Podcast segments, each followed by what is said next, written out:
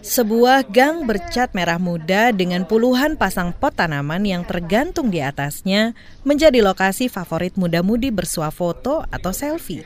Berbelok ke kanan, gang dengan pulasan beragam warna siap menyambut.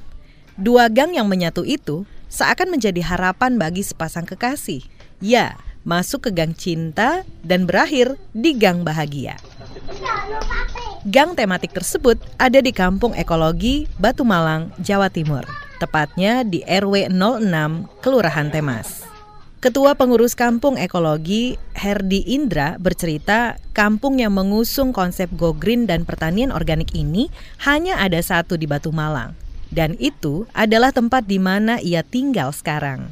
Dirancang pada 2016 dan diresmikan pada 29 Januari 2017, kampung ini memang nyaman dihuni. Hampir setiap pekarangan rumah ditanami sayuran organik, kalaupun tidak, ditumbuhi bunga-bunga. Tak hanya itu, beberapa jalan di kampung ini juga sengaja tak disemen atau aspal, tapi dengan batu alam, juga paving block. Dari kelurahan, dari RW itu memberikan kebebasan kepada masyarakat mm -hmm. khususnya yang punya lorong-lorong kecil ini bagaimana cara merubah tampilan dari lorong-lorong ini supaya tidak kumuh, tidak seram, -hmm. tidak gelap, tidak angker.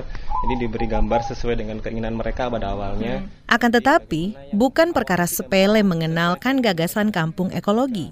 Apalagi dulu, warga sudah terbiasa dengan lingkungan yang kumuh dan kotor. Menyuci pakaian di pekarangan rumah atau buang sampah di got.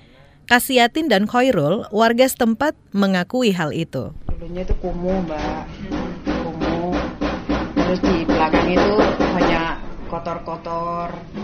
Sampah, ada hewannya.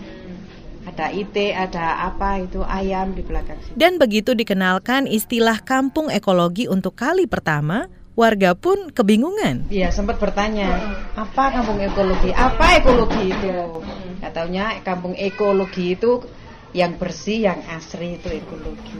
Maka untuk menjelaskan dengan sederhana tentang apa itu kampung ekologi, hal pertama yang dilakukan Herdi dan pemuda lain adalah mengajarkan cara mendaur ulang sampah rumah tangga dan menanam sayur-sayuran organik di pekarangan. Kita harus memanfaatkan ruang terbuka di sekitar rumah eh, yang biasanya hanya eh, lapang tidak ada apa-apa, tidak bermanfaat, tidak punya nilai jual, tapi kemudian coba kami berikan edukasi lagi, berikan informasi lagi bahwa sebenarnya eh, banyak ruang-ruang kosong yang ada di sekitar rumah itu bisa dimanfaatkan untuk eh, menanam tumbuhan hijau, eh, menanam semacam tanaman toga, menanam sayuran organik yang punya nilai ekonomi yang manfaatnya kembali lagi kepada masyarakat itu sendiri gitu. Setelahnya, saluran got yang terbuka diubah dan ditutup rapat-rapat. Kata Herdi, ini supaya warga tak lagi seenaknya membuang sampah.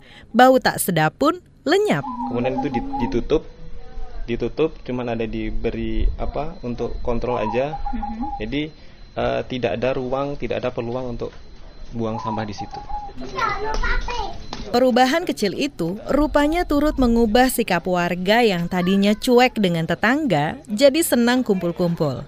Tiap kali berembuk, muncul ide kreatif. Misalnya, membuat gang-gang tematik, antariksa, gang cinta, gang bahagia. Bersamaan dengan lahirnya konsep kampung ekologi, pertanian organik juga terus digalakan. Taslan, Ketua RW 06 sekaligus koordinator petani organik di Kelurahan Temas mengatakan, sayuran organiknya sudah mengantongi sertifikat. Kalau jenis sayuran kami yang terverifikasi ya, itu sekitar 48 macam sayuran plus tanaman herbal. Jadi ada 48 cuma sekarang kita menanamnya kan tidak tidak harus semuanya ya. Tapi sesuai dengan kebutuhan masyarakat. Ia pun berharap pertanian organik ini tak berhenti di tengah jalan. Sebab selain karena alasan kesehatan, pertanian organiknya sudah punya nama. Jadi pertanian organik adalah pertanian konsep masa depan. Bukan sekedar sekarang saya bercocok tanam, sekarang saya panen kaya, tidak tapi yang adalah konsep ke depan untuk anak-anak kita ke depan, anak cucu kita depan.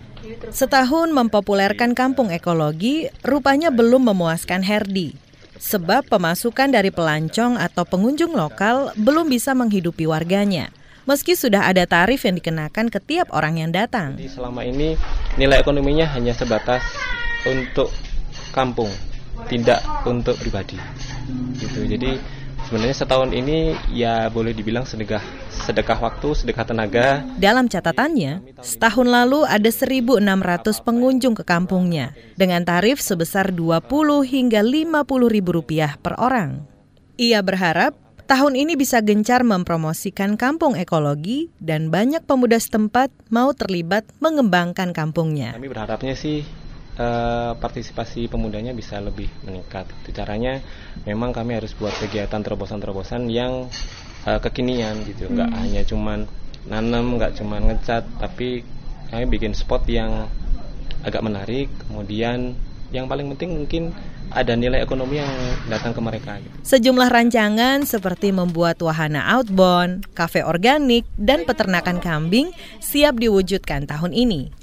Dengan begitu, keterlibatan anak muda makin banyak dan pemasukan kian besar.